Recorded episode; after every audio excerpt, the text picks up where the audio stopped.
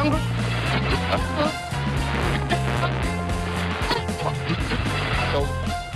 hører nå på Lunsjpod, det siste 24 fra Radio Nova.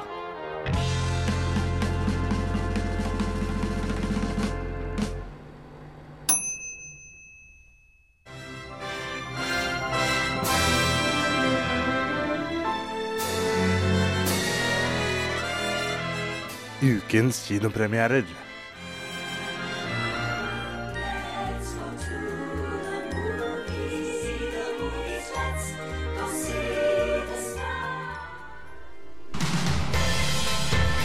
Hva handler det første kapittelet om, da? Jo, nå skal du høre. Det handler om en flott forfatter som kverker en guttunge på hotellrommet sitt fordi han ikke klarer å holde kjeft. Det at du er et barn, gjør deg ikke automatisk søt. Hva holder du på med? Du skiter jo i andre enn deg selv. själv. Men du har jo ingen, du har ingenting. Vi skal gå videre til et intervju som eh, Miriam har hatt med Megan Gallagher, Grand Hotel, som eh, kommer på kino denne uken. Eh, det blir jo kjempebra. Eh, vi får høre. I guess it always starts with character, um, and I like to write characters uh, who are cooler than me. and Axel Farstad is a lot cooler than I am. he says things that I think but don't have the balls to say. So that's really what it started with, um, with wanting to uh, write somebody who was fun to watch and who you kind of wanted to be, but who deep down inside had some very, very serious issues. So that's where it started. And I think most of the best stories start with character.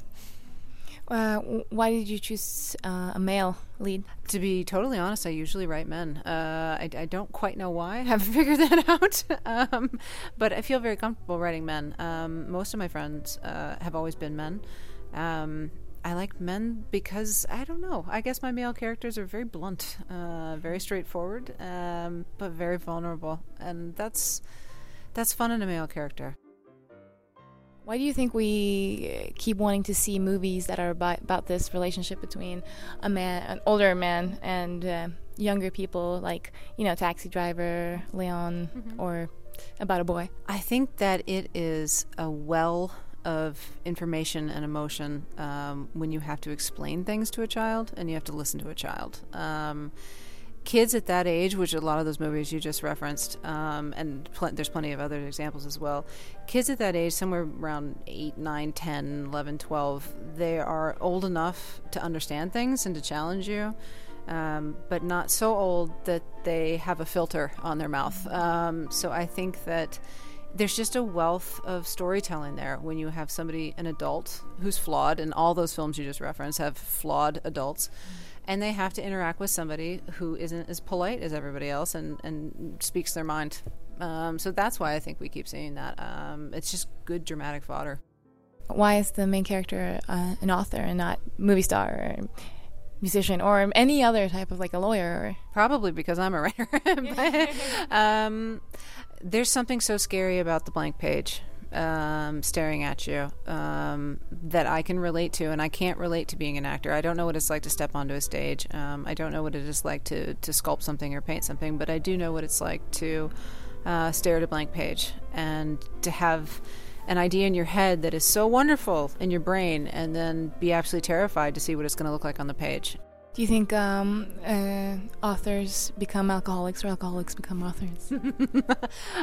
That's a good question. Well, I, I would hope neither is going to end up happening to me, but um, uh, gosh, I, I guess the solitude. Unlike a lot of other um, art forms, you you reference acting, for example, or it's there's solitude. Um, there's a lot of solitude in writing. You can't write with a whole bunch of people around you. Um, you need to be alone. Um, and I could I can understand how somebody might be tempted to, to go down that path. But yeah, I think it's solitude. I think it's loneliness. Um, maybe desperation. what is your ultimate goal for your career? Gosh, I can't ask for a whole lot more than what I have right now. My my ultimate goal is to get to do truly what I get to do now, which is I get to make my living writing. I love writing. I've always loved writing. I've done it for 15 years. Um, but I make a solid living now doing the thing I love, and I'm even in a position where I can really either start projects that come, as corny as it sounds, from my own heart, or jump on board projects that are really inspiring. Where did your love for writing come from? I always loved it. I, it was always storytelling um, in general. Um, good stories uh, always really moved me. Um, but it's going to sound really silly and it's maybe it's going to age me a little bit. But um, I was in college, a university, uh, and I, so I was I don't know 20 or something like that. And Good Will Hunting came out, and I remember that you know Matt Damon and Ben Affleck wrote it, and it just you know at that age I was a perfect age and it was a perfect movie, and that they wrote it, and they won the Oscar, and I remember just thinking, oh my gosh, I could do that.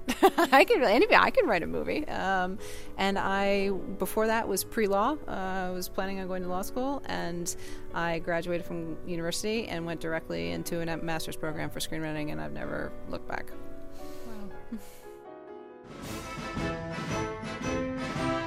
Magasinmagasinet. L Norge er dagens magasin. Redaksjonelt innhold.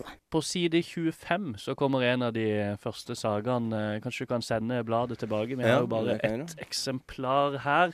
Der står det om de heteste trendene. Mm. Og da syns jeg de solbrillene der er litt sånn Back to the Future-aktig. Ja, de er veldig sånn eh, Hvis du laga en sånn fremtidsfilm på 70-tallet, så hadde Ja, nok eh, eller på 80-tallet, som de gjorde med Back to the Future. Og da var det jo til 2016 de reiste. Det stemmer, det. Det stemmer, det, det. ting henger jo sammen. Det er det. Så det er jo faktisk helt riktige eh, briller. Ettersom at vi er i fremtida, så har de nå laga fremtidsbriller. Ja. Og på side 27, når vi blar om, så syns jeg de har eh, noen klingende ingresser. Her står det 'Stram til' og 'Simsalabim' med et Med et av sesongens fine belter blir ytterjakka superfeminin. ja, ja. Det er de, jo nesten et rim. ja, for de vil gjerne at vi skal ha belte utapå jakke. Jakken. Ytterjakken. Ja. Gjerne da et rosa belte utenpå et, eh, en oransje jakke. Som bryter litt med mine, mitt syn på matching av farge, men eh, ja, jeg liker at jeg blir utfordra av Av, fasjonistene, ja. Mm. fasjonister. Mm. Ja, hva mer har vi? Side 32, der står det om eh, kjærestestil. Og da har de Det største bildet er av Victoria og David Beckham, og akkurat det syns jeg er litt sånn 1999-aktig. Ja, og det er sånn uh, De er vel brukt opp, eller hva? Ja, jeg tror, tror snart det, men for all del, de har med Kardashian også. Ja da, det er jo the usual suspects uh, her. Men uh, eh, apropos kjærester. De har Ja. jo enda en reportasje om, eh, om eh, kjærester her, som heter eh, 'Kjærlighet ved første klikk'. Ja, side 50, tror jeg. Ja, eh, her, ja. Den eh, leste jeg i stad. Eh, Fengende tittel. Ved første klikk. Ja, det får en si. Jeg leste jo denne saken i stad. Den går over Mm. eh, fire sider. Tre store bilder. Og når jeg leste den saken, så trodde jeg det var Så trodde jeg det var en historie om ett og samme kjærestepar. Eh, Ja, eh, Helt til jeg påpekte at det, Det var det da. Det er tre forskjellige par. ja, for jeg, var, jeg syntes det var så rart at de så helt forskjellige ut på alle tre bildene. Ja. Men det har sin naturforklaring, at det var det- tre forskjellige par. Det, du følte det var noe repetativt, men så var det tre Ja. stories. Ja. Men det kan vi ikke skylde på magasinet. Der Nei. syns jeg du må ta selvkritikk som sluttforbruker. Ja, det er nok, ja, det er nok Magasinmagasinet som må ta den eh, på sin kappe. Ja. Eh, De har, det er da sånn historie altså de har, Det er tre fotografer som har skal fortelle hvordan de møtte eh, kjæresten sin. Ja. Og Fotograf ja, alle menn her er fotografer. i bladet, eller I, i, i verden, i ja, livet. ok. Ja. Fotograf i livet. Det er sant. Det er jo med øynene vi tar bildene som skaper vår, hverandres liv. Eh, er det som Fortsett, er det- skal, jeg skal gjøre det. Men det, det er jo en del, det er en del sånne veldig fine vendinger her. Eh, Hvordan møttes dere, spør de. Eh, Og Thomas, en- ene fotografen, eh, svarer. Fra første øyekast visste jeg at det kom til å bli trøbbel. På en god måte. Ja. Er ikke det fint? Det, jeg ikke- kan kjenne meg igjen Er ikke det poetisk? Det er veldig poetisk. Ja. Det er tre veldig Jeg syns jo alle sammen er veldig pene. Ja. Uh, alle tre parene. Heldig med det. Og så har de en sånn variant eh, hvor de skal beskrive forholdet med tre emojis. Ja. Der syns jeg kanskje ikke der eh, fotografene lykkes helt i Nei, sin beskrivelse. Hva, hva slags eh, beskrivelse har Nei, vi har jo Par da én, Uh, vi har en. Uh, forholdet til Sylvia og André. Listhaug. Uh, André Listhaug. Sylvia Listhaug. Nei, André Flote. Ja. Beskriv forholdet med tre emojis. Tommel, opp, tommel opp, tommel opp, tommel opp. Oh. Det er god stemning, da.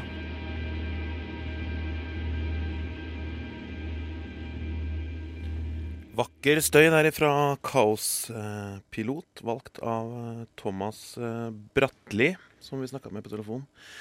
Eh, jo, du er fortsatt eh, over fjellet borte i Bergen, eller? Ja. Det er spørsmål er du fortsatt i Bergen. Jeg skjønner at du ikke satt på tog. Men det er sånn eh, eh, vi Jeg kjører over fjellet i dette øyeblikk. Har dere på telefon? veldig, fortsatt veldig bra linje. Men vi skvetter litt her hver gang du kommer på, for at du føles så veldig nær. Men så er det jo Vi ser jo ikke eller noen ting, så det er litt uvant. Det er jo radioens magi, det. Føles som eh, du er hjemme der i stua, selv om man egentlig ikke er det. Ja, det er kan være hvor du vil. Det er jo den billigste måten å reise på. Mm, altså de solgte fjernsyn før, før i tida.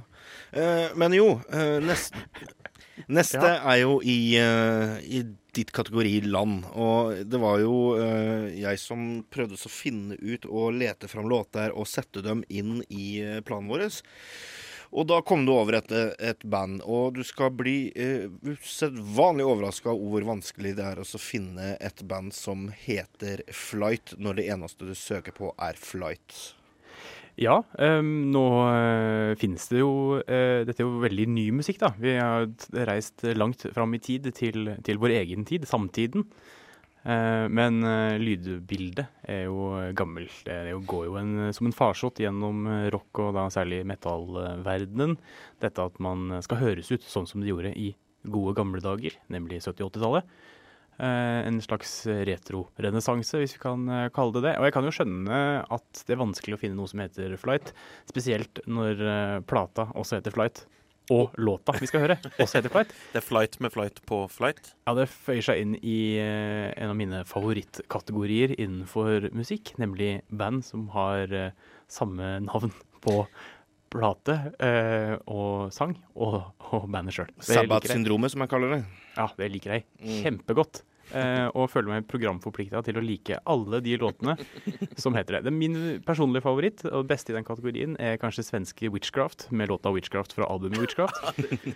Eh, men eh, Flight med låta Flight fra debutalbumet Flight er en eh, veldig god Veldig god eh, hva skal vi si, contender for uh, topplasseringen. Dette er veldig unge folk fra medlemmer av Kolbotn Trashers Union, som det så fint og uformelt heter. Et metallmiljø utenfor, eh, utenfor Oslo. Som har fostra en eh, haug med prisvinnende eh, metallband. Mm. Uh, Satyr, nei, hos Satyricon er Dark Throne er jo derfra. Uh, ja, Dark Throne, Necromantion, Mm. uh, en hel eh, gjeng. Dette her er samme, samme miljø. Den yngre garde. Mm. Um, Jeg leste jo om, eh, om, eh, om Fenris, som eh, skrev i en artikkel om at han var så lei seg for at han måtte slutte i sitt eget band, for han flytta fra Kolbotn til Vinterbro. Ja, og det, altså, det, det finnes jo ikke noe Vinterbro Trashers Union, Nei. for å si det sånn. Kanskje det det finnes bare en Trashers Union i Norge, og den ligger i Kolbotn. Der kan man valfarte sammen med alle andre blackpackere fra Sør-Europa. Mm. Og bivåne f.eks. Kolbunn kulturhus. Veldig flott. Mm. Jeg har vært der på Eh, bryllup, jeg. Du har det, ja? Ja. ja. Jeg har vært her på, vært her på konsert. Um, jeg, lurer på om, uh, lurer på om det er der Gjersjøen ligger, og at uh, Aura Noir i sin tid eh, mente at dette vannet hadde en del lik i seg. Og det var mye av inspirasjonen til at det kom så mye metal fra det her området. Jeg har bare urinert her, så jeg vet ikke. Men eh, Ja, jeg er sikkert, eh, sikkert eh, med på å påvirke det også. Mm. Men uh, vi digrerer. Skal vi rett og slett bare spille Flight med Flight fra Flight? da gjør vi det.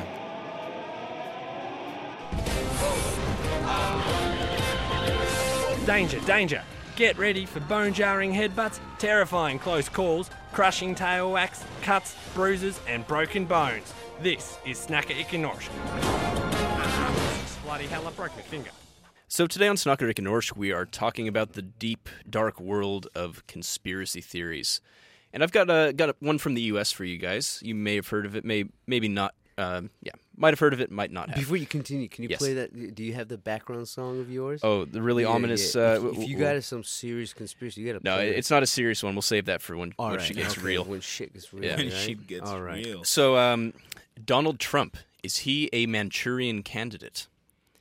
So basically, the the theory goes that um, Donald Trump has driven a huge wedge in uh, in the U.S. presidential election. He's running for the Republican Party, but he's driven a wedge through the party by dividing kind of the social conservatives from the Um, Right. The more radical social conservatives from the, the political elite of the Republican Party. So the theory goes that uh, Donald Trump used to support the Democratic Party. Okay. Uh, pretty openly and uh, gave a lot of money to uh, Democratic politicians. But now he's running as a Republican and has basically torpedoed the party. So some people think that he's either working for the Democratic Party or working for somebody else who has an interest in seeing the Republicans uh, basically get destroyed. Oh, jeez, man. These, you see, this is what I mean. Like he, he knows what the fuck he's doing. That He's a guy, superpower. He is standing there ready to go, and he's making a mockery just to show you guys, like, God damn, son. You see how ridiculous this is? So you think this is coming from him that he might actually be doing this on his own initiative? I don't know. It se- to me, it seems like he's he's really pushing Well, the limits well- of like uh, the stereotypical way of like America, and just he's representing that just to show people how ridiculous Well, it is. you know, I, I I think that I don't think actually that is the case, but because if you look at it, if you look at it, right? I mean, rich people in America, you Yeah. you can see Donald Trump has a family history of like you know riches. Like he he his I mean his father. I mean probably had like huge plans for him. Like one day my son is gonna you know That's true. lead this country, and I think it was. I mean, I think this is some family planned event. Like right from day one, he knew he was gonna. He would. I don't think he was making all that millions just for one day. I mean, to just fade out of the limelight. I All think he was. I think he was building his steps for this day, and now I mean, this is all he he's going for because I mean he's made all the money.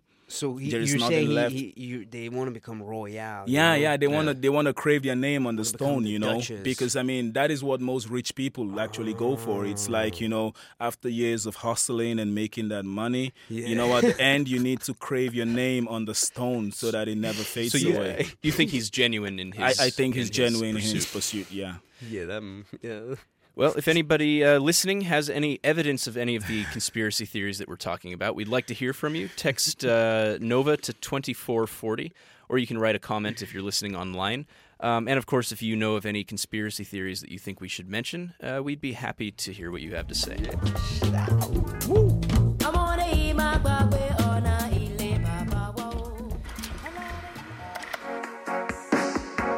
Nå er tiden her.